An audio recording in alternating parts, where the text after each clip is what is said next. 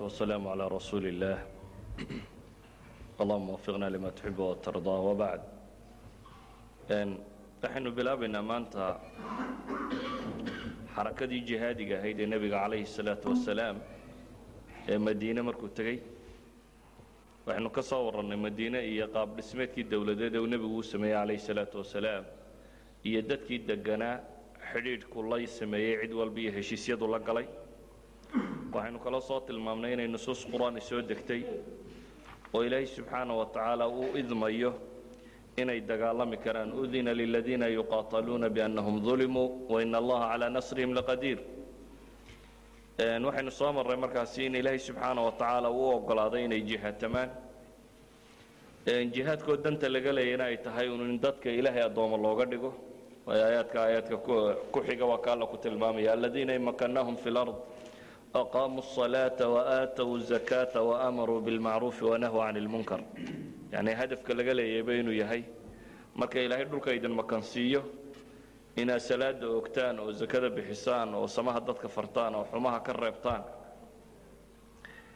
mujtamacii carbeed ee meelahan deganaana wuxuu u qaybsanaa madiine gudaheeda waxaynu nidhi dadkii joogay heshiis buu nebigu la galay calayh الsalaaةu wasalaam qurayshna iyagu muxaaribiin bay ahaayeen yacni qoraysh waa kuwii iskuba dayay nebiga dilaan calayhi salaatu wasalaam muhaajiriintii soo saaray xoolahoodii ka dhacay wax walba iyaga dagaal ayaa u dhaxeeya wuxuu nebigu bilaabay calayhi salaatu wasalaam markaasi in uu diro talaa'ic ama kooxo. Kooxahaasoo qasdiyo badan uu ka lahaa. Waxaa la yidhaahdaa kow qoraysh in tahdiid lagu sameeyo jidkan ay marto oo qoraysheen waxaynu idhi waa waddan maki waxay ku salaysnayd tijaarad tijaaraddana shaam iyo yeman bay u kala qaban jireen. Markaa xagga shaamna madiina ka xigta in tijaaradan quraysheed markaa tahdiid lagu sameeyo oo iyaba maadaama ay adduunkii iyo wixii muslimiintu haysteen oo dhan dhaceen dee dagaalna yaryaraysiba aanu lahayn in markaasi iyagana qawaafishoodan tijaariga ah ee ku socota shimaalka in la gooyo waxaa kaloo alaa'icda kooxahan yaryare uu nebigu saaray calayhi salaatu wasalaam uu ka lahaa in muxaalafaat la sameeyo iyo muwaadacaad qabaa'ilkan carbeed ee agagaarkan madiine iyo duleedadeeda iyo wixii aan quraysh ahayn inuu heshiisya la soo galo imaa heshiis taxaaluf ah oo inay bahwadaag wada noqdaan oo ay wax iska wada dhiciyaan ama caynkaasiya amase inuu noqdo heshiis muwaadaca ah inaan laysku soo duulin laysnabadgeliyo wax kale oo dhex maraa aanay jirin. Maadaama la ogyahay qurayshi inay qabaa'ilkaasoo dhan heshiisya kula jirtay oo waa innagii soo sheegnay ilaaf waxa la yidhaahda inay u qoreenba oo ahaa in tijaaradooda si loo nabadgelin karo inay meelahaasoo dhan heshiisya la soo galeen. Waxaa kaloo alaa'icdan ama kooxahan yaryare uu nebigu diraya calayhi salaatu wasalaam ku jiray baa la yidhaahdaa inuu muujiyo muslimiinta xooggooda shalay waxay ahaayeen koox yaroo la eryanayey oo isagaaba dee nebigu calayhi salaatu wasalaam baxsi ku yimi magaalada madiina. Laakiin haatan inay noqdeen xoog dowlad samaysantay oo dhisan oo markaasi loogu quusgoynayo tuugta iyo qutaacu ariiqyada iyo qabaa'ilka yaryare hunguriga haya iyo waxaasoo dhan inaanay madiine hunguri ka soo gelin. Inuu diro ciidamo tiro badan leh kolba oo socotoo tiro badan leh. Isla markaana loogu quusgoynayo mushrikiinta weli madiine joogta waataynu ni madiini ma wada islaamin marka mushrikiin iyo qayb munaafiqiina iyo waxoogaa maxaa la yidhaahdaa yahuuda waxaasoo dhan baa joogay. Iyaduna waxay ka ahayd bay culammadu yidhaahdaan min naxiya alcaskariya cadalaadkooda ay muujinayaan. Waxaa kaloo ku jiray baa la yidhaahdaa in ay bartaan madiine iyo waddooyinka soo gala iyo istikshaaf yacni inay masxi ku sameeyaan ama la ogaan karo dhulkan istraatiijiga muslimiintu degan yihiin iyo cidda la degan iyo say kale yihiin oo dhan. Waxaa kaloo ku jiray baa la yidhaahdaa in indaar digniin la siinayo quraysh. Markii hore caqli xuma qaado ay diinta raaci weyde inaanay maanta moodin weli xooggii inay wax ku dayi karayaan oo indaar looga dhigo. Sidaa daraaddeed buu nebigu calayhi salaatu wasalaam wuxuu diray saraaya tiro badan. Sariyadu ama kooxaha ama haswo ha noqoto ama sariye ha noqote waxaynu idhi sariyana waxaa lagu tilmaamaa ciidanka aanu nebigu la soconin. Haswana waxaa lagu tilmaamaa ciidankuu nebigu la socdo calayhi salaatu wasalaam. Ha dagaal ha dhacaam ayuu dhicini ciidamadaa yaryara uu dirdiray.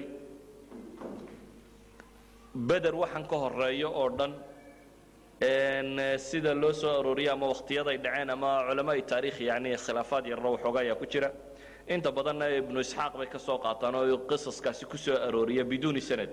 Marka waa riwaayad dhammaantood iska daciifa. Marka ma kala garan karno xaqiiqa ahaan say u kala horhoreeyeen laakiin waynu iska guud mari doonaa waxaa ka mida saraayaadkaasi uu nebigu diray sariya la yidhaahdo sariyatu siif ilbaxr sariyadan ama kooxda tan. Waxaa la yidhahdaa xamza ibnu cabdilmualib baa watay. Sodoneeye nin meelahaas bay ahaayeen. Waxaana loo diray siif ilbaxr meesha la yidhaahdo oo u dhow meeshan la yidhaahdo alciis waa meel u dhaxaysa. Meeshan hadda yumbuc iyo marwa la yidhaahdo ayay dhexdooda ku taalla. Meelaha meelaa buu nebigu calayhi salaatu wasalaam u diray. Waxay culamaai taarikh wariyaan sariyada tani waxay ka hortegaysay ninkii la odhan jiray abijahl oo ciidan qaafilo wada awr wada ka timi sham oo tiro badan. Sariyada tan ama ciidanka kan wax dagaali ma dhicin baa la yidhaahdaa. Sababtuna waxaa dhacday baa la yidhahdaa nin la yidhaahdo majdiy ibnu camr aljuhani oo labada kooxoodba heshiis kula jiray ayaa kala dhex galay. Saa daraaddeed waa kala badbaadeen oo waxba dhibi kama dhicin. Waxaa kaloo la sheegaa sariyo kale oo cubaydata bnulxaarit ibnulmualib uu watay isagana oo ilaa lixdan nin oo muhaajiriinta ka mida meelahaasi ay ahaayeen iyaguna ciidan yar oo waxoogaayo abu sufyaan watay ayaay ku talagaleen. Raabiq meesha la yidhahda inay ku gaadhaan. Iyadana waxoogaa gamuunkunbaa laysku yaro tuurtuuray mooyaane wax dagaalo weyni kama dhicin baa la yidhahdaa waxaa kaloo la sheegaa sariya kaloo sariyat alkharaar la yidhaahdo. Alkharaar meel la yidhahda iyana ka dhacday. Sacd ibn abi waqaas baa watay baa la yidhahdaa labaatan nin isagoo wata. Isna koox safara oo quraysha buu damacsanaa inuu soo qabto. Iyana habeenkiina maalintiina way gaban jireen baa la yidhaha habeenkiina way socon jireen. Iyana meeshii kharaar la yidhaahdo markay tageen ayaa loo sheegay inay shalay oo kale ciidankii mareen. Qoladii ay gaadida ay raadcaynayeen inay shalay oo kale dhaafeen iyadana waxba kama dhicin. Waxay tilmaameen nebigu calayhi salaatu wasalaam ghaswo uu baxo waxa u horaysay bay yidhahdeen ghaswat alabwaa ama ghaswatu waddaanna waa la yidhaahdaa. Waddaan iyo abwaa waa laba meelood oo isu dhodhow waa meel maka iyo madiine udhaxaysa waana laba mawducoo isku dhodhow unbaa labada magac laga soo kala qaaday. Ghaswadaasi oo ay ku tilmaameen inay tahay tii ugu horaysay ee uu nebigu u baxo calayhi salaatu wasalaam. Waxaa jira xadiid saxiixu lbukhaari ku yaalla zayd ibnu arqam uu ku tilmaamaya awalu ghaswa inay alcushayra ama alcushayra ama alcushayr yani ta la yidhaahda inay ahayd ibnu kaiir wuxuu isku dayaya inuu labada qiso iswaafajiyo wuxuu leeyahay waa ghaswadii ugu horaysay zayd ibnu arqam uu nebiga raacay calayhi salaatu wasalaam buu u jeedaa ee tanbaa ka horaysay haddaynu sidaa qaadanno uu ibnu kaiir wax ku jamciyey ghaswada abwaa la yidhaahdo ama waddaan la yidhaahdo oo aynu leenahay waa laba meelood oo iyagu ilaa siddeed mayl isu jira labadan magac madiinana ilaa afartan wacishriina maylan bay madiinana u jirtaabaa la yidhaahdaa. Wax dagaali kama dhicin. Ghaswadatan uu nebigu calayhi salaatu wasalaam soo baxay. Manay ishelin nimankii uu raadinayey mujarad waxay heshiis wada galeenuun qabiil meesha deganaa oo bani damra la yidhaahdo. Qabiilkaasi bani damra la yidhaahdo ayuu nebigu wuxuu la galay calayhi salaatu wasalaam heshiis muwaadaca ah in laisnabadgeliyo oo aan wax dhibi kala gaadhin iyaga muslimiinta kaas baa la wada galay. Ghazawaadkaasi la sheego ee yaryare hore ee beder ka horreeya haddaynu iska wada guud marro. Waxaa jirta ghaswo iyana la yidhaha ghaswatu buwaad. Ghaswatu buwaad iyaduna meesha radwa la yidhaahdo ee yumbuc u dhow ayuu nebigu calayhi salaatu wasalaam u baxay isagoo ilaa laba boqol oo saxaabi wata iyadana quraysh safaradooda mid ka mida un baa la rabay in la qabto iyana may dhicin waa waa ka baxsatay. Buwaad iyo radwa labadaba waa la ydhaha iyana waa laba makaanoo isu dhow. Waxaa kaloo la sheegaa ghaswo kaloo la ydhaha ghaswatu safwan ghaswada tani iyada dib baynu ka tilmaami doonaaye waxa weeyaanu nin la yidhaahdo kurs ibnu jabir alfihri oo qolada gaaleed ka tirsan ayaa weerar soo qaaday. Dabeetana mushrikiintii xaggoodu ka yimi magaalada madiina duleedadeedu yimi wuxuu magaalada u gagabadaba xoolu dhacay. Xoolihii intuu dhacay buu dabeetana la cararay. Nebiga calayhi salaatu wasalaam iyo saxaabadiiba qayladoonku u yimi inay xoolo la dhacay. Ciidan buu nebigu ka soo daba saaray laakiin lama gaadhin ee wuu baxsaday ninkaasa la yidhaha kurs wuu baxsaday. Raadcadaasi uu nebigu ku soo baxay khaswadatan ee waata ay culammada qaarna ku tilmaamaan waa bader iluula ama bader isuura ilaa meesha beder la yidhahduu yimi kadibna muu soo gaadhin nimankaasi. Saasaa lagu kala baxsaday. Haswada kale iyana waxaa la yidhaahdaa ghaswat lcushayra iyana waxunbay ka mid tahay dagaaladaa yaryar uu nebigu soo baxay calayhi salaatu wasalaam ciidan shaam ku socday quraysh oo shaam ciidan ay leedaha ku sii socda ama safar ay leedaha ku socda buu ku talagalay inuu soo qabto. Iyana ma dhicin in la qabto ee way baxsato. Markaana qabiil la yidhaahdo bani mudlij ayuu nebigu calayhi salaatu wasalaam heshiis la soo galay. Bani mudlij ayuu heshiis la soo sameeyey dabeetana nebigu calayhi salaatu wasalaam dib buu soo noqday markaynu eegno wax dagaal oo dhacay waxa jira sariya la yidhaahdo beder ka horreeyey intaa hore oo dhan wax dagaali ma dhicin. Isturtuur yaryar iyo uun raadcaraadca iyo scoob uun bay ahayd waana lays waayey. Wixii ugu horreeyey cid lagu dilaa waxay ahayd sariyatu nakhla kooxda loo yaqaanay. Sariyatu nakhla markaynu isku soo ururino axaadiid saxiixi ligayrihi iyabaa qaarkeed ku soo aroortay ee aayaadka sababta ay ku soo degtay. Qaarkeedna waxaa ku soo aroray yani riwaayo mursala oo isnaadkeedu xasan yahay. Sariyada duuduub ahaan markaynu tilmaamno waxa ay sheegaysaa. Saxaabiga la yidhaahdo cabdillaahi ibnu jaxsh iyo tobaneeyo kale ama laba iyo toban qof bay ahaayeen baa lagu tilmaamo adigu dhowr iyo tobankaas saxaabi ayuu nebigu diray calayhi salaatu wasalaam. Waxay culamada taarikh sheegayaa kooxda cabdillaahi ibnu jaxash siduu akram diyaa ilcumari ku warinayo isagu wuxuu leeyahy fi amaaniya min almuhaajiriin baa la socotay. Kooxdaasi oo sideed nin ka kooban oo muhaajiriin wadaa ayaa la dira waxaa la yidhaahdaa waxay ahayd rajab dabayaaqadeedii. Kooxda tan waxaa loo diray buu leeyahay in quraysh loo tilmaamo tahdiidku inaanu xataa xaggan shaamo qura ahayne safaradooda xataa yamaneed in tahdiid lagu samayn karayo. Nakhladu waa meel daa'if iyo maka u dhaxaysa ayaa lagu tilmaamaa. Ciidanka kan waa la diray.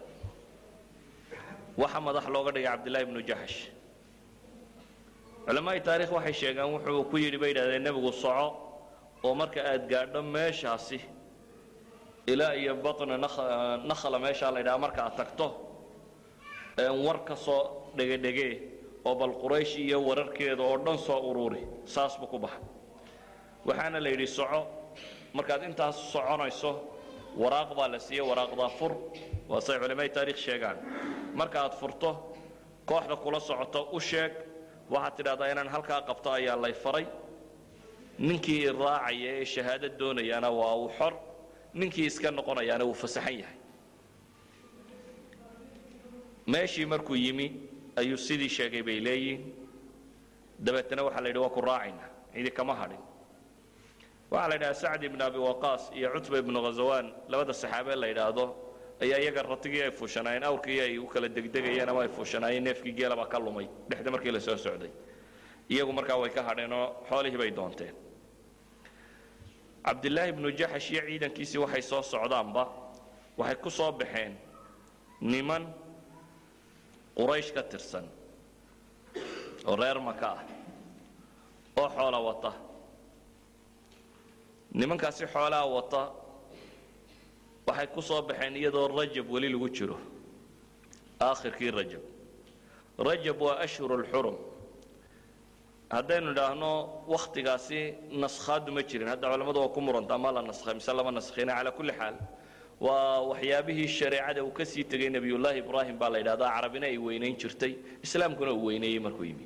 Ashhurulxurumka afar bilood labada biloodoo sanadka u dambeeya muxaramta ugu horaysa iyo rajab rajabu mudar rajabta shacbaan ka horaysa afartaasi bilood ashharulxurum baa la ydhaha in la dagaalamaa may bannaanayn.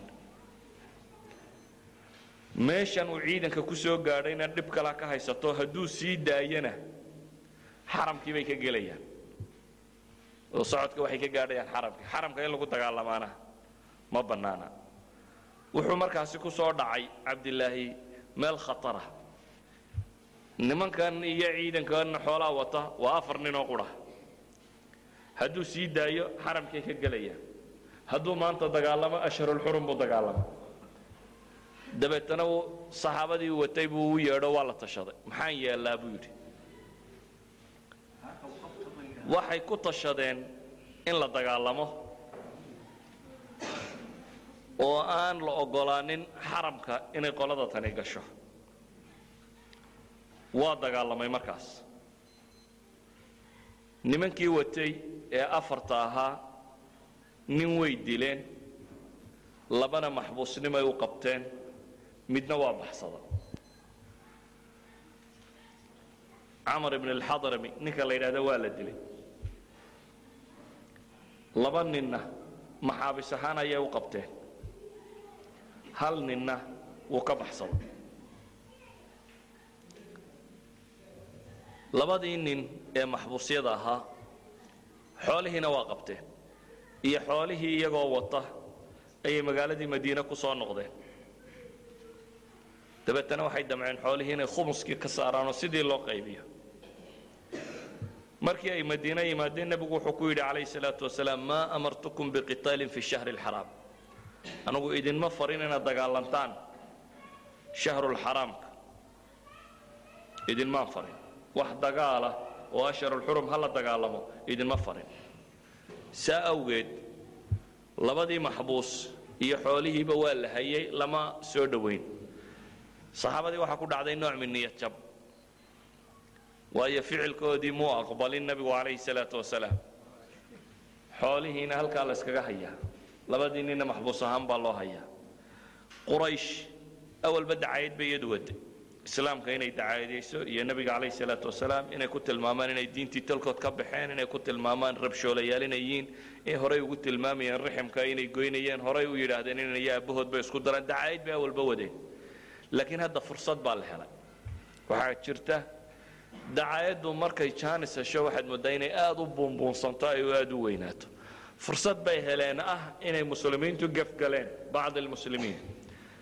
Dabeetana carabna agteedaba marka hore waxaa caan ahayd ashhurulxurumku maadaama diintii nebi ibraahim uu ka tegay inay tahay. Ashhurulxurumku inuu ilaashamo oo aan cidina dagaalamin. Maadaama la leeyahay calayhi salaatu wasalaam diintii buu waday oo waa kan say dee qurayshi ku andacoonayso waxa weeyaan ninkan inuu diin qaldan waday waxaa muujinaya asharulxurum buu dagaalamay. Iyana dacaayadoodii bay faafiyeen. Waxay dhaheen muslimiintu waxay xurmeeyaanba ma jirto. Asharulxurum bay dhiig daadiyeen oo xoolo dhaceen oo rag qafaasheen bay idhaahdeen bilihii asharulxurumka ahaa intaaba muslimiintii way samaysay. Yahuuddii iyo gaaladii iyo dadkiina qadiyaddii waa la sii tarwiijiyey waa la buunbuuniyey. Kadib arrinkan ilaahay baa ka fatwooday subxaana wa tacaala. Ilaahay baa qur'aan ka soo dejiyey ilaa maanta la akhriyo oo mas'alada tan fatwo ka dhiibaya. Ilaahay wuxuu leeya yas'aluunaka can ashahri alxaraami qitaalin fiih. Waxay ku weydiinayaan baa ilahay yidhi subxaana wa tacaala bilaha asharulxurumka dagaalku suu yihi dagaalka la dagaalamo asharulxurum ka warramabaa ayay ku weydiinayaan baa ilahay yidhi subxaana wa tacaala. Ilahay baa ka fatwoonayo wuxuu yidhi qul qitaalun fiihi kabiir asharulxurumka oo la dagaalamaa waa kabiira min alkabaa'ir laa yajuus fi shariica ma bannaana waa gafkii ay muslimiintu gashay marka laakiin waxaa kaloo alla yidhi subxaana wa tacaala wasadun can sabiili اllah وكفر به والمسجد الحرام وإخراج أهله منه أكبر عند الله والفتنة أكبر من القتل إلهي وحول سبحانه وتعالى إلهي جدكي ilaahay jidkiisioo dadka loo diido oo inay islaamaan laga celiyo alle oo laga gaaloobo masjidulxaraamka ah oo buu jidkiisa la jaro dadka laga saaro ehelkiisaoo laga saaro masjidulxaraamka oo laga saaro dee muhaajiriinta ina waxan o dhan dhulkaa laga eriyey intaasaase ka weyn baa ilahay yidhi subxaana wa tacaala. Markaasaa ilahay wuxuu kaloo yidhi walfitnatu diinka saarka dadka diinta laga saaree diintooda lagu dhibo ayaa akbaru min alqatli dilkana taasaa ka sii weyn baa ilahay yidhi subxaana wa tacaala. Ilaahay qadiyadda tan wuu kala xukumo waxaa la xukumay khata inuu ahaa muslimiintu gay gashay. Idan nusuustan iyo qisadatani runtii macno aad u ballaadhan bay sharxayaan. Una baahan yihiin dadka muslimiinta inay mar fahmaan. Koo waxay sharxayaan dad kasta oo muslimiin oo isku daya inay islaamka soo celiyaan. Inaan laga waayinin akhtaa inuu khataa dhici karo taa macnaheedu inaan ahaynna haddii mar ay gaf galaanna inaanay ahayn kuwii diintaba sheeganaya ama wadaadada sheeganaya macankii sheeganaya gafkan galay. Gaf waa bini aadam waa la geli karaa. Mar labaad waxay nusuustani sheegaysaa gaf haddaad aragto walow ka kugu weynna ha cidda gashay inaan waxba la dabdaboolin oo tabriir loo samaynin. Gafku waa gaf. Waayo ilaahay xaggii baa laga galay. Waxa ilaahay xaggii laga galayna ma laha sheekh baa galay iyo shariif baa galay iyo wadiic baa galay haddii la gafo waa la gafay weeyaan. Waa macsi idan iyaduna tabriir uma baahna. Inaad tidhaahdo nimankani niman mujaahidiin ay hayeenoo dee way dadaalayeenuno waa kaasuno caynkaasi oo laakiin intaa yarun bay ku dhaceen. Intan yari laakiin khalad bay ahayd. Idan islaamku waxa ilaahay inugu tarbiyaynayaa tarbiyo ah in la baro dadka sida wax u dhacaan. Waxaa la tilmaamay mujtamaca kani wax kale umay socon. Cabdilaahi ibnu jaxsh iyo saxaabada kale muhaajiriinta ee la socota amarkii nebi maxamed bay ku baxeen calayhi salaatu wasalaam.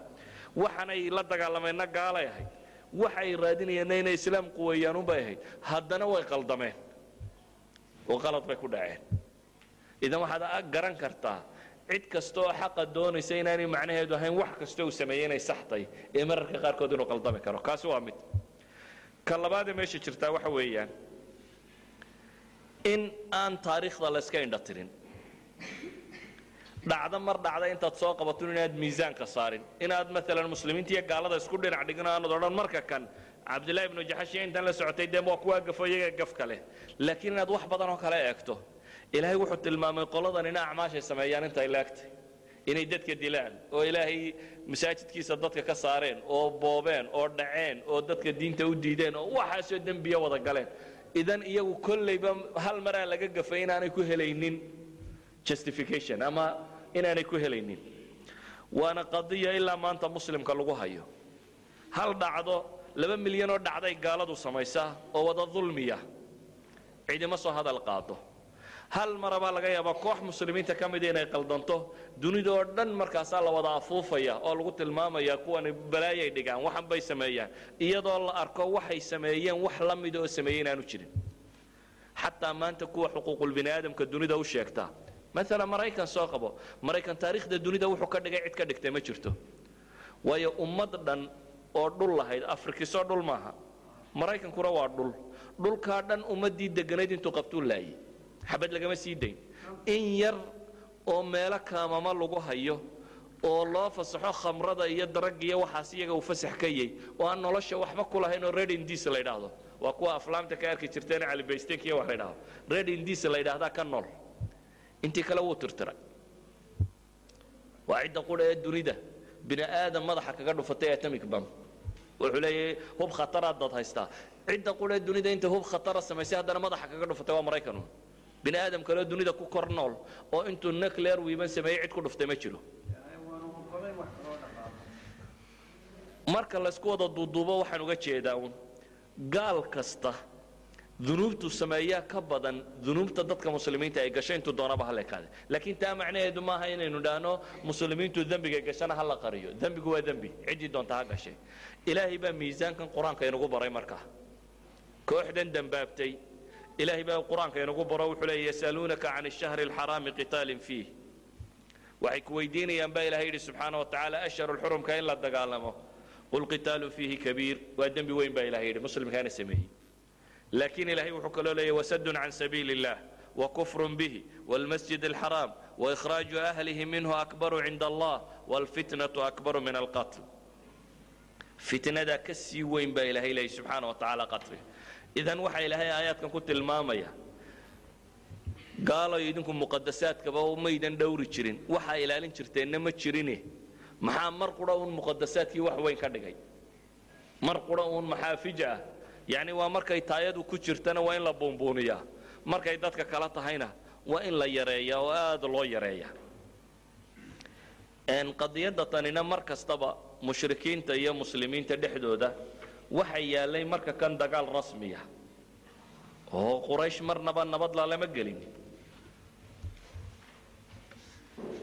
Waxa soo degay baynu leenahay markaasi nusuus badan oo qur'aana oo ilaahay subxaana wa tacaala uu ku farayo dadka mu'miniinta inay dagaalamaan ama wax iska dhiciyaan waqaatiluu fii sabiili اllahi aladiina yuqaatiluunakum wla tactaduu in allaha laa yuxib اlmuctadiin wاqtuluuhum xayثu haqiftumuuhum waأkhrijuuhum min xayثu akhrajuukum wاlfitnaة ashad min alqatl ولا تقاتلوهم عند المسجد الحرام حتى يقاتلوكم فيه فإن قاتلوكم فاقتلوهم كذلك جزاء الكافرين فإن انتهوا فإن الله غفور رحيم وقاتلوهم حتى لا تكون فتنة ويكون الدين لله فإن انتهوا فلا عدوان إلا على الظالمين بعد هذه الوقعة وشهر شعبان baa la ydhahdaa ba aayaadkaasi soo degeen oo cumuuman ilaahay subxaana wa tacaala dadka muslimiinta farayo inay wax iska rabaan. Iyo aayaad badan oo kale oo qur'aana markaynu qadiyadaasi ka tallowno ghaswatu beder horteed wax dhacay oo kale oo badani ma jirin. Allahuma ilaa masale mooyaane. Nusuusuljihaad waa soo degtay. Ilaahay uu dadka muslimiinta faraya inay jihaatamaan. Waxa kale soo degay nusuustii tilmaamaysay in qiblada la gediyo. Muslimiintu waagii hore waxay u tukan jireen bayt اlmaqdis sida riwaaya saxiixi lisnaad ibn cabbaas cabdillaahi ibnu cabbaas ka soo aroortay tilmaamayso waxay u tukan jireen muslimiintu bayt ilmaqdes xataa markii maka la joogay wuxuu tilmaamayaa in eh, bacd alculamaa baa waxay sheegaan maka markii la joogay makaa loo tukan jiray markii uu nebigu madiine yimibu ayuu bayt ulmaqdes u jeesto haddana waa laga soo jeestay. Waana ra'yiga uu xoojinayo alxaafid abu cumar eh, ibnu cabdilbar ninkii la odhan jiray alqurطubi laakiin ibn xajar alcasqalaani baa aad ra'yigaa u radinayo le waa daciif. Waayo ra'yigaasi wuxuu keenayaa buu leey laba goor in la naskhay laakiin ma jirto. Ra'yigaa uma baahnin waayo waxaynu haynaa mid ibn cabaas riwaayo saxiix alisnaada saxiixat lisnaad oo ibn cabaas kaa saxday oo sheegaysa in uu xataa markii maka la joogay in loo jeesan jiray bayt اlmaqdis culamada qaarkoodna waxay ku tilmaamaan labadan qowl waxaa lagu jamcin karaa ra'yi daciif oo kale isna iska jiro sheegaya in xataa bayt almaqdes markuu nebigu u jeesanayey maka intuu xaggan ka maro kacbadan inuu u soo jeesan jiray bayt almaqdesna in loo sii wada jeesan jiro o la isku gudbi jiray. Calaa kulli xaal toban iyo lix bilood ama toban iyo toddoba bilood waxay culamada qaar ku jamciyaan kusuur baa jirto. Haddaad bilaha un tirsatana waa toban iyo toddoba. Haddaad maalmaha tirsato sia isugu geegeysana toban iyo lix maalmo yar bay dheeraanaysaa. Calaa kulli xaal toban iyo lix bilood ama toban iyo toddoba bilood ayuu nebigu calayhi salaatu wasalaam u sii jeesanayey bayt almaqdis masaajidkan iminka yuhuuddu haysato. Ansaarina markii horeba xaggaasi u sii jeesan jirtay nabiga calayhi salaau wasalaam isagu wuxuu in badan tamaniyey ama uu jeclaystay inuu u soo jeesto kacbada in lagu soo celiyo. Dabeetana qur'aan baa soo degay. Alla subxaana wa tacaala uu farayo. Qad naraa taqaluba wajhika fi اsamaa falanuwalliyannaka qiblatan tardaaha fawalli wajhaka shatra almasjid alxaraam waxayumaa kuntum fawalluu wujuuhakum shatra qur'aan baa soo degay waa alla leeyay subxaana wa tacaala waxaanu arkaynaa taqaluba wajhika fi samaa. Ilaahay markaa wuxuu leeya waxaanu kuu jeedinaynaa qiblo aad raalli ka tae waxaad u jeesataan meel kastoo aad joogtaanba shatri lmasjid alxaraam masjid alxaraamka xaggiisa kacbada ha loo jeesta baa layidhi salaaddii koowaad duhr uu bani slma nebigu ku tukanaya baa la yidhi waa awal salaad uu kacbada u soo jeestay casarkiina wuxuu ku tukaday masjidu nabowi oo masaajidka nebigana awal salaa loo jeesta baa la yidhaahdaa xaramka loo soo jeesto salaad casar bay ahayd. Reer qubana waxaa la yidhi iyaga salaaddii subax buu gaadhay oo ay qiblada xagga kale u soo jeesteen. Marka aynu isku soo duuduubno qadiyadda tani waxay abuurtay belbela cusub yacni tashwiish munaafiqiintii iyo ducafaa ulimaan iyo wixii oo qaar ka midii dibbaabay u ridoobeen. Waxay kaloo abuurtay yuhuudi inay wax kala samayso tidhaahdo shalayta anagu nala socdee maantunbu xaggan u sii jeestay iyo waa maxay diintan kolba qibladeedu dhan noqonaysa ee kolba dhan loo jeesanaya maxaa ka jira? Warar badan baa la akhriyey ilaahi subxaana wa tacaala horta wuxuu tilmaamay nusuus qur'aana la dejiyo la tilmaamayo jeesjeesigu iyo meesha loo jeesanaya inaanay muhiimadda ahayn ee muhiimaddu inay tahay in ilaahay la rumeeyo la raaco awaamirtiisa la fuliyo. Laysa albira an tuwalluu wujuuhakum qibala almashriqi walmaqrib baa ilaha yidhi. Samuhu ma aha baa ilaha yidhi subxaana wa tacaala inaa bar iyo galbeedka u jeesataan.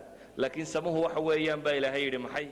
Man aamana biاllahi walyawmi alaakhiri walmalaa'ikati walkitaabi walnabiyiin nusuustaasaa la soo dejiyey la leeyahay samuhu waa iimaan iyo islaamnimo cidda laga helo. In ilaahay la raaco sababta ay u jeedinayaanna ilaahay baa u sii tilmaamayba marka hore ilaahay wuxuu leeyahy sayaquulu sufahaau min annaas ma wallaahum can qiblatihim alatii kaanuu calayha qul lilaahi almashriq walmaqrib intaanay odhan baa ilaahay ka sii warramaya ilahay wuxuu yidhi sayaquul waxay odhan doonaan kuwa liite ee dadka ka midi qibladiisii kamay jeedin maxaa ka jeediyey qibladiisii qul lilaahi almashriq walmaqrib waxaad ku tidhaahdaa baa ilaahay yidhi ilaahay isagaa barigan iyo galbeedka loo jeesanayaba leh bari iyo galbeed ba ilaahay isagaa leh yahdi man yashaau ilaa siraatin mustaqiim cidduu doonana jid toosan isagaa ilaahay ku hanuuniya subxaana wa tacaala waxaa kaloo alla uu caddeeyey markaasi danta laga lahaa qiblada jeesigu inay ahayd wamaa jacalna alqiblata alatii kunta calayha ila linaclama man yatabicu arasuula miman yanqalibu calaa caqibayh wain kanat lakabiiratan ila cala aladiina hada allah wma kana allahu liyudiica iimaanakum ina allaha binnaasi lara'uufu raxiim ilaahay baa wuxuu leeyay subxaana wa tacaala qiblada aanu jeedinay wax kale maanan kalahayn baa ilaahay leeyay ilaahay in la muujiyo kuwa rasuulka raacaya iyo kuwa jeesanaya aan nebiga raacaynin in la kala caddeeya baa ilahay leeyay waxay shaki geliyeen. Markaa muslimiintii dhintay intii loo jeeday bay yidhaahdeen xagga ah mar haddii qibladii laga soo jeestay kuwa salaadahoodii iyo waxoodii o dhami waa bureen. Markaasaa ilaahay wuxuu leeya wamaa kaana allahu liyudiica iimaanakum. Salaadiin iyo iimaankiin iyo wixii hore xaggaa u jeesateenna ilaahay idinkama burinayo waa leedin ina allaha binnaasi lara'uufu raxiim idan dhacdooyinkani waxay ahaayeen dhacdooyin dadka muslimiinta ah iimaankooda lagu saafi yeelayo munaafiqiinta iyo waxaan oo dhan lagaga reebayo. Kadib waxaa bilaabmay asbaabtii keentay ghaswatu badr اlkubraa bederta weyn. Dagaalkan beder waxaa sabab u ahaa baa la yidhaahdaa ghaswatu cushayra abu sufyaan iyo xooluhu wadaa la raadcaynayay. Markaa shaam buu ku socday wuu baxsaday markaa horeo shaam buu tegey. Soo noqodkii uu shaam ka soo noqonayay ayay muslimiintu waxay ku talagaleen inay qaafiladaa maanta qabtaan oo aanay baxsanin. Waa soo noqodkii. Abu sufyaan markaa wuxuu watay awr tiro badan oo xoolo badan wadata. Laakiin la yidhahdo ciidan yar baa la socday soddon afartaneeyo meelahaas bay ku tilmaamaan culamaai siira waxaan soddon afartaneeyo ka badnayn. Weliba culamaai siira waxay sheegaan yani xooluhu watay tiradooday qaar sii sheeg sheegaano waxay dhahdaan xoolo lagu qiyaaso konton kun oo diinaar bay yidhahdaan halka diinaar waa arbaca dhibic laba shan garaam oo dahaba afar garaam iyo rubuc ayuu u dhigmaa halka diinaar. Konton kun oo diinaar haddaad tidhaahdo waa xoolo ilaa laba boqol iyo laba iyo toban kiilo oo dahaba xoolo lagu qiyaasi weeyaan. Laba boqol iyo laba iyo toban kiilo waa dee laba jawaan iyo dheeraad. Waa xoolo aad u tiro badan. Intaasoo kiilo dahaba ayay gaadhayeen baa la ydhaha ilaa kun awr bay ku sheegaanoo xoolaa intaa leegsiday. Waxaa la yidhahdaa nebigu calayhi salaatu wasalaam wuxuu dirtay sahamo u soo sahaminayay quraysh xoolaheedaasi. Axaadiid saxiixay waxaa ku soo arortay nin la ydhaha basbas ibnu camar inuu ahaa sahamada la dirayay laakiin ma kuwii horuu ahaa mise kuwa dambuu ahaa? Allahu aclam. Calaa kulli xaal sahankii iyo wararkii madiiney yimaadeen. Sheegaya inuu ninkii abu sufyaan la odhan jiray oo xoolihii oo dhan wada uu soo dhadhowyo uu soo socdo markii warkaasi uu nebiga u yimi calayhi salaatu wasalaam nebigu wuxuu amray ciidanka wixii diyaari inay soo baxaan. Waayo ciidankan looguma talagelin inuu dagaal geli doono. Ee waxaa loogu talagalay afartankaa nin ama soddonkaa nin ee awrtaasi safarkaa wadata iyo xoolahay wadaan in la soo qabto. Sidaa daraaddeed lama sugin. Saxaabadii maalan cawaaliga deganayd waataynu soo marnayna madiina xaggeeda sare qabaa'il dee aws iyo khasraj mid ahaan inay dhankaa deganaydba guryahooda u badnaayeen. Saa daraaddeed nebigu calayhi salaatu wasalaam wixii soo dhaqaaqi karayey ayuunbuu yidhi soo dhaqaaqa. Wixii dhadhawaaye markaa meelahan joogay uunbaa soo baxay baa la ydhaahdaa ciidankan soo baxay waxaa la ydhahaa ciidan tiradiisu aanay badnayn ba ahayd cikrama wuxuu sheegayaa nebigu calayhi salaatu wasalaam laba nin oo cadiy ibnu zaqba ninka la ydhaha basbas ibnu camar ninka la ydhaha labadaa nin oo taliica ah inuu beder u sii diray uu yidhi qaafilada yacni bal ii soo raadiya oo ay la soo noqdeen warka kan. Laakiin xadiid haabit saxiixu muslim ku yaal baa wuxuu sheegayaa basbas ninka la ydhahdaa inuu ahaa daliilkii ama jaasuuskii nebiga calayhi salaatu wasalaam warkan uu sheegayay. Si kastaba ha noqotee war la hubabaa yimi oo sheegaya ciidankaasi inuu soo dhow yahay nebiga calayhi salaatu wasalaam wuxuu markaasi la soo baxay ciidan gaadhaya saddex boqol iyo toban iyo sagaal meelahaas. Saa imaamu nawowi sharxiisa ku sheegayo saxiixu muslimka saasaa ku qoran baan rajaynaya. Riwaayadda bukhaarina waxay sheegaysaa bidca cashara wa alaamia saddex boqol iyo dhowr iyo toban. Saddex boqol iyo dhowr iyo toban ah. Saddexdaa boqol iyo dhowr iyo tobankaas boqol ka midii muhaajiriin bay ahaayeen inta kalena waa sida uu sheegay inta kalena ansaar bay ahaayeen. Waa sida riwaayadda zubayr ibnulcawaam ay sheegayso. Zubayr alcawaam oo ka mida nimankii xaadiray dagaalka ka joogay. Laakiin riwaayad kale oo saxaabi yari uu soo warinayo albura ibnu caazib oo abura ibnu caazibna nin dhallinyaraa buu ahaa oo kamuu mid ahayn nimankii beder xaadiray. Waxaabuu ka mid ahaa nimankii yaraanta daraaddeed loo celiyey ayuu ka mid ahaa bara ibnu caazib oo aan kuwa xaadiray ka mid ahayn isagu wuxuu sheegayaa muhaajiriintu yaziiduuna cala sittiin yani lixdan inay ka badnaayeen uun. Ansaartuna inta kale laba boqol iyo afartaneeyo ama yaziiduuna cala arbaciin waa mea boqol iyo afartaneeyo meelahaasi inay ahaayeen kutubta maraajicda rasmiga marka la eego asxaabta magaca bedriga ay u soo arooray waxay gaadhsiiyaan ilaa ugu badnaan saddex boqol iyo afartaneeyo ayay gaadhsiiyaan saddex boqol iyo afartanka waxay u gaadhsiiyaan rag baa la isku khilaafsan yahay hebel bedri buu ahaye bedri ma ahayn. Laakiin waxay u badantuu saddex boqol iyo dhowr iyo tobankaasi uun inay ahaayeen.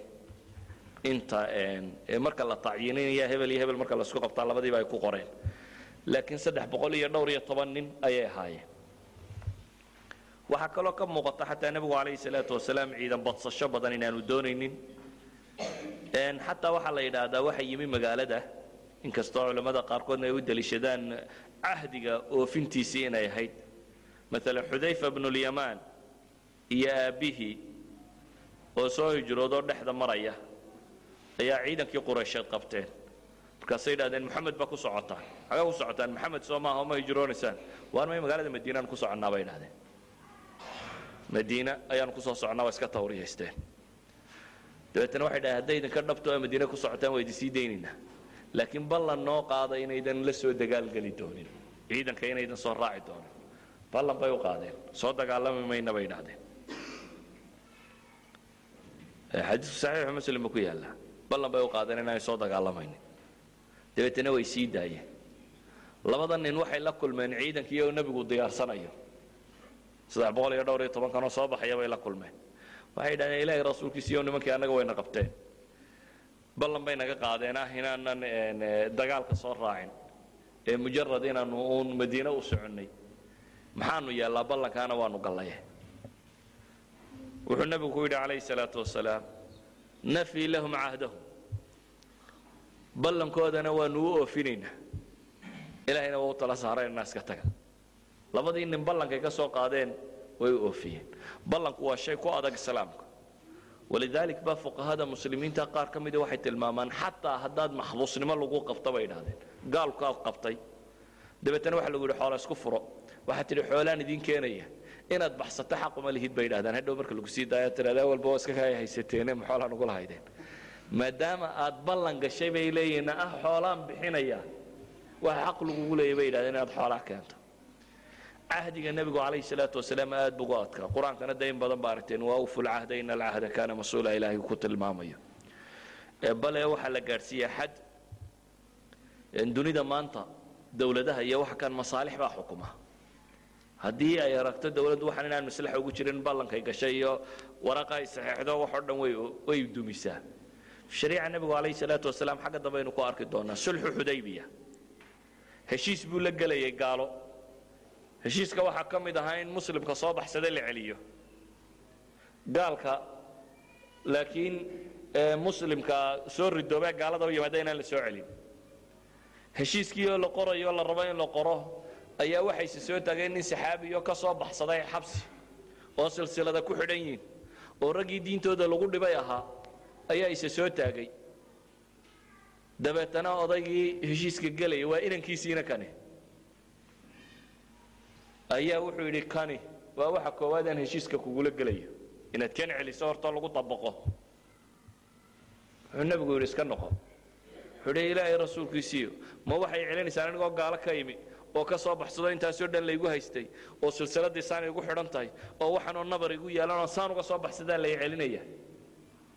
Lama aqbalina waa la celiyey.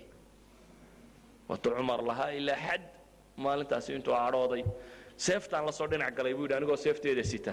Markaasaan is idhaahdaa buu yidhi isagu heshiisna kuma jire bal muu seeftan intuu la boodo odaygan inuu madaxa ka jaraba heshiiska gelaya.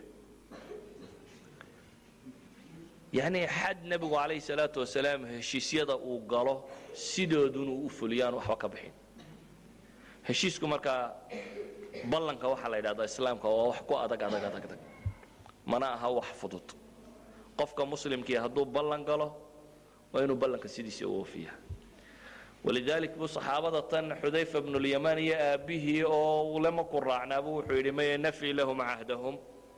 Ballankoodaan u fulinayaa buu nebigu yidhi calayhi salaatu wasalaam. Iyagana ilahay baan tala saaranaya iska taga. Waxaa la yidhaahdaa waktiga kan waxa isku dayay xataa niman mushrikiinta ka mid a markay maqleen dee xoolaa la soo dhacayaabaa nin geesi ahaa baa la ydhaha dagaalka caan ku ahaa ayaa yidhi tolkay baan raacaya waa la dagaalgelaya waa la weerar tegaya dee ansaartan badh baa saartan nabiga la socota calayhi salaatu wasalaam bay isku tolyihin laakiin waa kala diin. Marka wuxuu leeyahy tolkay mar hadday weerar gelayaan ana weerarkaan raacaya. Wuu diiday nebigu waan aniga waxba ku gargaarsan maayo iga tag buu ku yidhi. Wuu ku celceliyo wuu diiday. Inaad islaamto mooyaane ina raaci maysid baa la yidhi. Dabeetana wuu islaamo saasuu isnaa ku raacay. Uu bedri ku noqdo uu saxaabadii ku soo raacay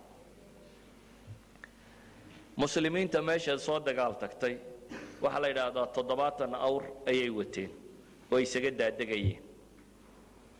Toddobaatanka awr ay wateen sida ibnu isxaaq uu soo arooriyo. Waxaa la yidhaha abulubaaba iyo caliy bni abi aalib iyo nebigu calayhi salaatu wasalaam hal mida ayay u kala degayeen. Hal mida ayay u kala degayeen. Saddex saddex meelahaas dee awrkiiba qof. Marka kolba xilliba ayay noqonaysaa. Xilligii qofkani fuulayay adhow buu ka daadegaya ka kala fuulaya adhow buu ka daadegaya ka kala fuulaya. Abulabaabiya caliy bni abi aalib markaa waxay yidhaahdeen ilaahay rasuulkiisiiyo ween annagu waa ka maaranaayo adigu fuul. Waxay sidhahan ilaahay rasuulkiisu da ha fuulo idinku waxba rasuulka ilaahay la qaybsanina awre. Nebigu calayh salaatu wasalaam awrka isagoo ha fuulo idinkuna ha lugayseen. Waxay idhahdeen ilaahay rasuulkiisiiyow adaanu kuu dayna adigu fuul waa ka xadiidka musnadu imaamu axmed ku qoran ee darajadiisa ugu yaraan ay xasantay haddaanay saxiixba noqonin waa ka nebigu le calayh salaatu wasalaam maa antuma biaqwa minii walaa ana biagna can اlajri minkuma. Wuxuu ku yidhi nebigu calayhi salaatu wasalaam war labadiina horta igama xoog badnidin buu yidhi. Midda kalena ajarkana idinkama maarmo. Yani meesha aakhira la wada raadcaynaya adduunya raadcays meeshan ma jira buu nebigu leey calayhi salaatu wasalaam haddaad rabtaan inaan anugu fuushanaado idinku ajarka heshaan anna ajarkaas weeyaan kaan doonayaa buu nebigu leeyahy alayhi salaatu wasalaam. Marka ajarkana idinkama maarmo oo anna ajar ka tegi maayo idinkuna igama xoog badnidin buu nebigu leeyahy alayhi salaatu wasalaam. Yacni waxay tani tilmaamaysaa mujtamaca marka ay dareemaan qaa'idka iyo askarigu inay isku si wax u qaadanayaan. Inaan hunguri la kala badnayn inaan cidina cid tuhmaynin waxa fududaanaysa inay daacadu badato isaqbalka iyo kala dambayntu inay badataan. In ninka madaxdii uu noqdo qof la aamini karo. Oo maadaama uu arkayo askarigiisii inuu la naf qaybsanayo nin waliba maca jananka ciidanka wata maca madaxweynuhu inuu markiisa fuulayo. Dadka una markooda ay fuulayaan oon qofna qof wax ka badsanaynin. Waxay taasi keenaysaa dadku isku xidhnaantooda. Iyo inay dareemaan waxa kan in ilaahay dartii loo wada wado oo qofku markaa isna adduunyo ka dheeraado. Markuu arko dee kii u madaxda ahaba ilaahay rasuulkiisii oo le awrka fuuli maayo idinku markiina fuula. Wuxuu dareemaya qofkani inaan meeshan ciddan kale hijirin in janno la wada raadinayo. Idan isaguna awrfuulka waxba moodi maayo iyo haddii hantiyoo dhammi dhaafto waxba moodi maayo. Walidaalika baa ilaahay rususha markuu soo diraba rasuul walba waxa koowaad ee la yidhaahda iska fayd waxaa ka mid ah.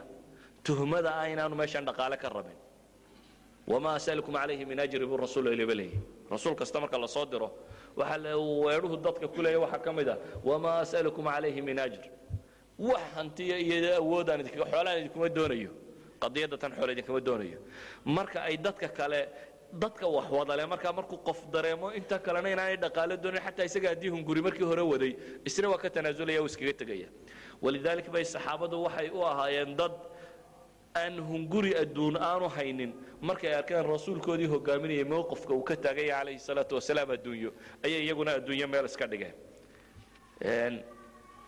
Dhallinyaro ma ahayn rasuulku markuu caynkan lahaa. Konton iyo shan jir buu ahaa markuu leeyahay igama xoog badnidin. Awrkana calina waa imise jir. Waa nin yaroo aan labaatan kuu buuxsamin bay u badantay. Yacni hadduu u bato bato waa nin uun islaamku markuu soo degay waxa la yidhaha ma sideed jir buu ahaa ma toban jir buu ahaa?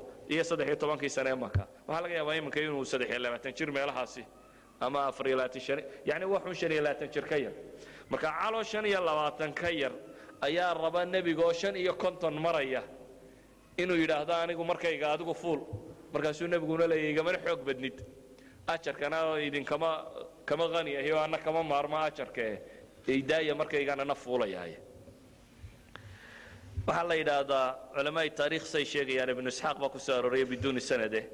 Magaalada wuxuu madax uga sii dhigay baa la yidhaha cabdillaahi ibnu mumaktuum inuu dadka salaada sii tukiyo oo nin indhoola ahaa. Dabeetana markuu marayay baa la yidhaha alrawxaa meel la yidhaahdo madiine afartan mayl u jirta. Ayuu haddana dib wuxuu u soo diray abaalubaaba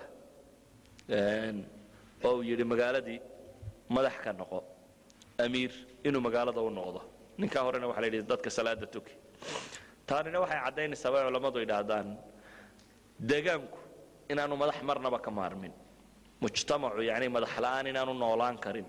Walow safar ha ku jiro ama dagaal ha ku jiro ama nabad ha ku jiro ama xarbi ha ku jiro wuxuu doonaya ku jire in loo baahan yahay mujtamacu mar kastaba inuu kala dambayn yeesho.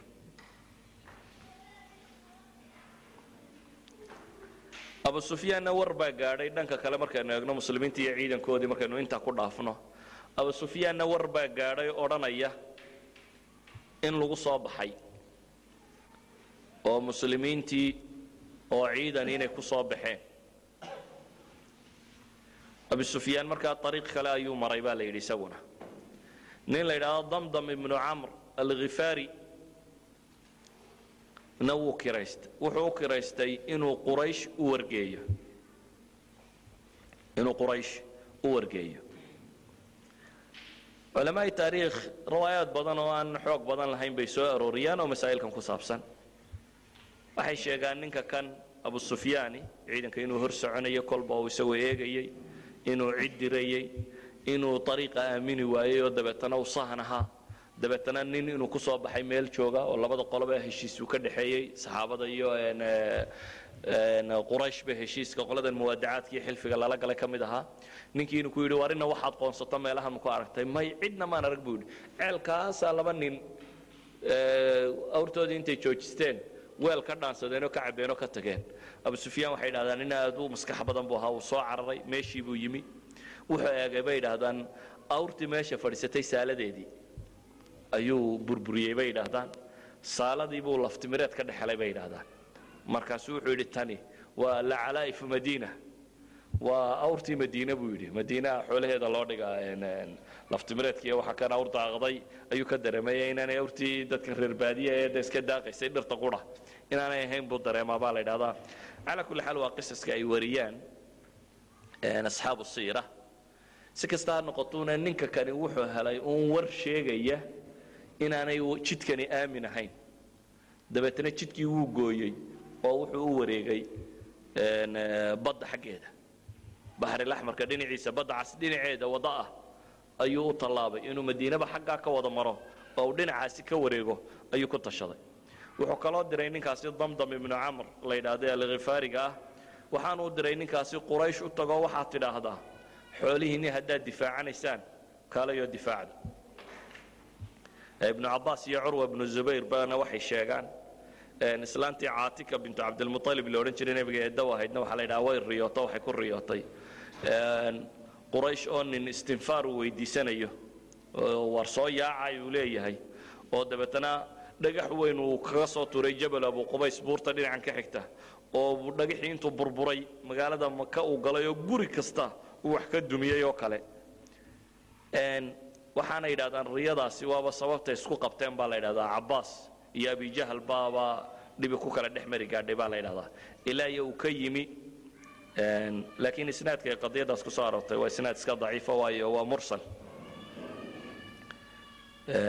Laakiin dee mursalkaa daciife sanadka intiisa kale waa xasan bay idhahdaan ibnu isxaaq ilaa iyo raggaa irsaaliyiinta laga gaadhsiinayo labada mursal haddii la isu geeyo ma isxoojinayaanna dee waa la tilmaamaa haddii meelahay ka soo kala baxeen ay kala gedisan yihiin si kasta ha noqotee waxaa la yidhaahdaa ninkii damdam ahaaba magaalada yimi. Culamaai taariikh waxay sheegaan damdam qaab u naxdin badan bay soo arooriyaan iyaduna oo ah magaalada markuu soo gelayay awrkiibuu kooraa xagga kale u rogay oo sanka soo jaray oo maradu iska soo tuuray oo yacni balaaya sheeg nin unu ah si bidhaantiisu ay u tilmaamto uun hayaayda iyo tollaaya iyo ka kacayda. Isagoo rooraya markaasi oo qaylinayo noocaas oo kaleu soo galay oo leh allatiima allatiima allatiima leh. le latiimadu waa xoolahan sida tiibka iyo waxaasi. Yacni tijaaradiinni war soo gaadha isagoo leh ayuu soo galay. Quraysh warka kani saaciqa buu ku noqday markaa war ay qaadan kari waayaan. Waayo hore way u ogaayeen in dariiqa loo yaro galgalay iyo warar caynkaasi iyo de munaawashaad iyo rooleebab laysku turturiyo waxaasiye laakiin dee maysa lahaynba muslimiintu xoog intay ku baxaan bay xoolihiina qaadi doonaan kumay talagelin midda kale xoolaha kani waxay ahaayeen baa la ydhaha xoole aad u tiro badan leh oo nidaamkoodii ribowiga marka lagu dhaqo waxaa la ydhaha dee haddii la ydhaha konton kun oo diinaar buu siday. Dee faa'iidadiisuna konton kun kama yaraanaysa ugu yaraan. Waa boqol kun oo diilar waa dhowr boqol oo kun oo kiilo oo dahaba. Waxay u arkayaan inay khasaare aad u badan tahay.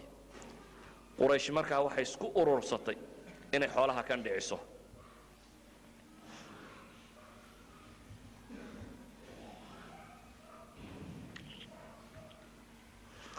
quraysh waxay isugu tagtay xoolahan sidai ay u dhacsan lahayd inay samayso. Ciidan iyo rag iyo hub iyo waxay haysay oo dhan way isu keentay. Waxay kaloo u aragtay arrintani inay tahay yacnii isla weynideedi iyo sharafteedi iyo karaamadeedi iyo meel lagaga dhacayo. In kooxdii yarayd ay magaalada ku dhibeen ee yaacday ee baxsiga ku baxsatay. Qurayshba tijaaradeedii ugu waaweynayd inay qoladaasi hunguraysaa inay u tahay markaa nimanka kan yacnii wax la dulaysanayoo kale quraysh dulaysi la dulaysanayoo kale bay u arkeen. Inta aanay kaba fakerin qadiyadda tijaariga ah oo ah yacnii xoolaha intaan leega la dhacayaba intaanay qiimaynba waxay u arkeenba meelka dhac weyn inay ku tahay sharaftidii quraysheed in maanta waxeedii la boobo. Saasi daraaddeed bay waxay cid haysatay oo dhan bay soo ururisay waxay yidhaahdaan ninka xataa dib isu yaro dhiga ama siraaraha odayada quraysheedba u tagoo la yani waa lagu qasbaa dagaalka in loo baxo. Rawaayadka saxiixii waxay ku soo arooreenna ciidan kun gaadhaya inay ku soo baxeen. Ibnu isxaaq biduuni sanad isagu wuxuu ku soo saaraa sagaal boqol iyo konton nin meelahaas inay ahaayeen laakiin waxaa la yidhahaa ciidan kun gaadhaya way ahaayeen bale culamada taarikh qaar ka mida waxay soo saaraan ilaa kun iyo saddex boqol inay marka hore ay soo baxayeen ahaayeen. Si kastaba ha noqotee ciidanka si loo macnawiyaadkiisa loo xoojiyo loo dhiirigeliyo ciidan qura lama saarin. Ee xataa waxaa la soo saaray baa la yidhaahdaa dumarkii heesi jiray iyo kuwii durbaanka garaaci jiray iyo wixii oo dhan ayaa la soo kaxeeyo iyadoo durbaanka la tumanayo oo la heesayo ayaa la ysu soo baxay baa la yidhahdaa waxay yidhaahdaan si ciidanka loo dagaalgeliyo oo aan loogu baahan kharash xataa maalgelinteeda waxaa qaatay bay yidhaahdaan nimankaasi quraysh odayadeedii waaweynaabaa maalgelinteeda qaadato. Maalina sagaal neef u qasha maalina toban neef u qasha. Laakiin ciidankaasi markuu dhexda marayay baa la yidhaahdaa ayuu abu sufyaan haddana war kala soo diray. Oo uu leeyahay badbaadayo xoolihii waan baxsiiye ha la celiyo ciidanka. Dabeetana warkii baa yimi waxaa la yidhi ha la celiyo ciidanka abujahl baa diiday wuxuu idhi may may may. Sharaftidayadiiba waa dhimataye iyadoo intaanu tagno aanu jebinno oo ku geel qalanno oo habluu noogu heesaan oo warkayaga carabi gaadho warkayagu carab meel kasta uu gaadho mooyaane noqosha naga dheer buu yidhi. Waxaa la yidhahdaa alakhnas ibnu shariiq nin la yidhahdaa yidhi warisani si maaha ciidanka ha la celiyo. Waa la diiday markii la diiday isagu wuxuu yidhi tolkii reer banu zahra wuxuu yidhi reer banu zuhra inay celiya buu yidhi anigu ninka la dagaalgeli maaye. Ilaa saddex boqol oo nin ciidan ah ayuu ninkaasi dib ula noqday baa la yidhahdaa kunkii ciidanku dhadhowaada unbaa meesha tan soo socday. Ninkani wuxuu yidhi annaga dantaydu waxayd inaynu xoolahayaga ilaashano xoolahayagina hadday noo badbaadeen dagaal uma baahnin. Ee waa noqonayna reerkan xaliif buu weliba lahaa bay ku sii tilmaamaan laakiin maalintaa wixii ka dambeeyey baa la yidhahaa magac iyo maamuus buu ku yeeshay oo taladiisa dambe lama diidin. Waayo qorashisay u jabtay iyo iyo suu meesha uga badbaadiyey ayaa laba isyeelanaya waaye noqday. Marka waxaa la yidhahaa reer banu zahra waxyaabahay ku caanka ahayeen beder ninkagama dhiman baa la yidhi iyagu raggoodii oo dhamme way kala noqdeen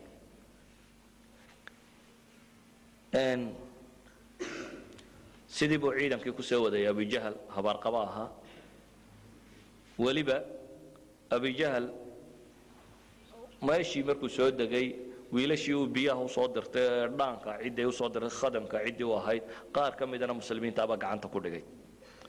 Oo weydiiyey waa kuway garaacayeene markay runta u sheegaanna way garaacaan markay beenta u sheegaanna way daayaan oo nebigu kula war iska daayay. Markii dambe uu weydiiyey ciidanka iyo tiradiis musnadu imaamu axmed xadiiska saxiixa ku soo arooray ee isnaadka saxiixa ah. Waa la weydiiyey. Waxay u sheegeen maalina in toban la qalo maalina sagaal neef la qalo. Dabeetana nebigu markaa wuxuu yidhi alqowmu alf kullu jazuur kulla jazuurin lima'ah wa tabaca waa ilaa kun nin markaa mar haddii maalina toban la qasho neefkii geelay wanaagsane waa boqol baa ciidanka lagu wadi karayaa. Muslimiintii warka ah qoladan la qabtay waxay sheegtay quraysh ciidankeediina inuu halkan soo socdo. Awrtiina iyo geelina inay dee baxsadeen abu sufyaan kaxeeyey laakiin lagama rumaysina muslimiintu waxay jecleed inay yidhaahdaan waxaanu abu sufyaan baanu ka nimi iyo ciidan inay sheegaan may rabina waxay islahaayeen. Dee waa sahankii xoolaha. Dabeetana waa ka qur'aanku mas'aladaa sawiraya. Kama akhrajaka rabuka min beytika bilxaq وإن فريقا من المؤمنين لكارهون يجادلونك في الحق بعدما تبين كأنما يساقون إلى الموت وهم ينظرون إذ يعدكم الله إحدى الطائفتين أنها لكم وتودون أن غير ذات الشوكة تكون لكم بإلهين ويريد الله أن يحق الحق بكلماته ويقطع دابر الكافرين يعني inay muslimiinta qaar ka mid jeclaayeen un qaafilada yara xoolaha inay la kulmaan dee kumay soo talagelin ilaa ciidan kunnina inay la dagaalamaan waxaa kaloo meesha yaalla iyaguna baycadii aynu hore u soo marray ansaartu ay nebiga la gashay calayhi salaatu wasalaam. Waxay ku salaysnayd inay magaalada nebiga ku ilaaliyaan. Laakiin dee debadda haddii loo baxay iyo halkaasi kumay bunuuddeeda kumay jirin khaarij almadiina. Sidaa awgeed baa waxaa la yidhahaa ciidamadii yaraaye hore ee beder ka horreeye gaade uu nebigu dirayo o dhammi muhaajiriin bay ahaan jireen. Oo qoladanu quraysh u dire inay ciidamadoodi iyo waxooda laga horgeynayo o dhammi muhaajiriin bay ahayd haatanna waa ciidan tiro badan baa meesha maraya oo ansaari u tiro badantay. Dabeetana nebigu calayhi salaatu wasalaam markuu ogaaday in abu sufyaan iyo xoolihiisii tageen waxa la ishayaana ay tahay quraysh iyo ciidankeedii. Ciidankan wuxuu ku soo kaxeeyeyna inay ahayd quraysh xoolaheeda in la soo qabto arrinkiina in wax iska bedeleen ayuu nebigu wuxuu la shiray markaa saxaabadii ashiiru calaya ashiiru calaya buu ku celiyey. Haddaynu qaadano riwaayada khabarka ibnu isxaaq ee sanadka saxiixa ku soo aroray wuxuu leeyahy dadkii buu nebigu la tashaday calayhi salaatu wasalaam. Dabeetana abubakr sidiiq baa hadlay. Si fiican buu u hadlay. Dabeetana cumar baa hadlay. Si fiican buu u hadlay. Dabeetana waxaa hadlay haddana miqdaad ibnu camar. Isna waa muhaajir saddexaad. Wuxuu yidhi ilaahay rasuulkiisiiyow ku soco waxa uu alle ku waa imsada waqtiga. In sha allah waan halkaa bari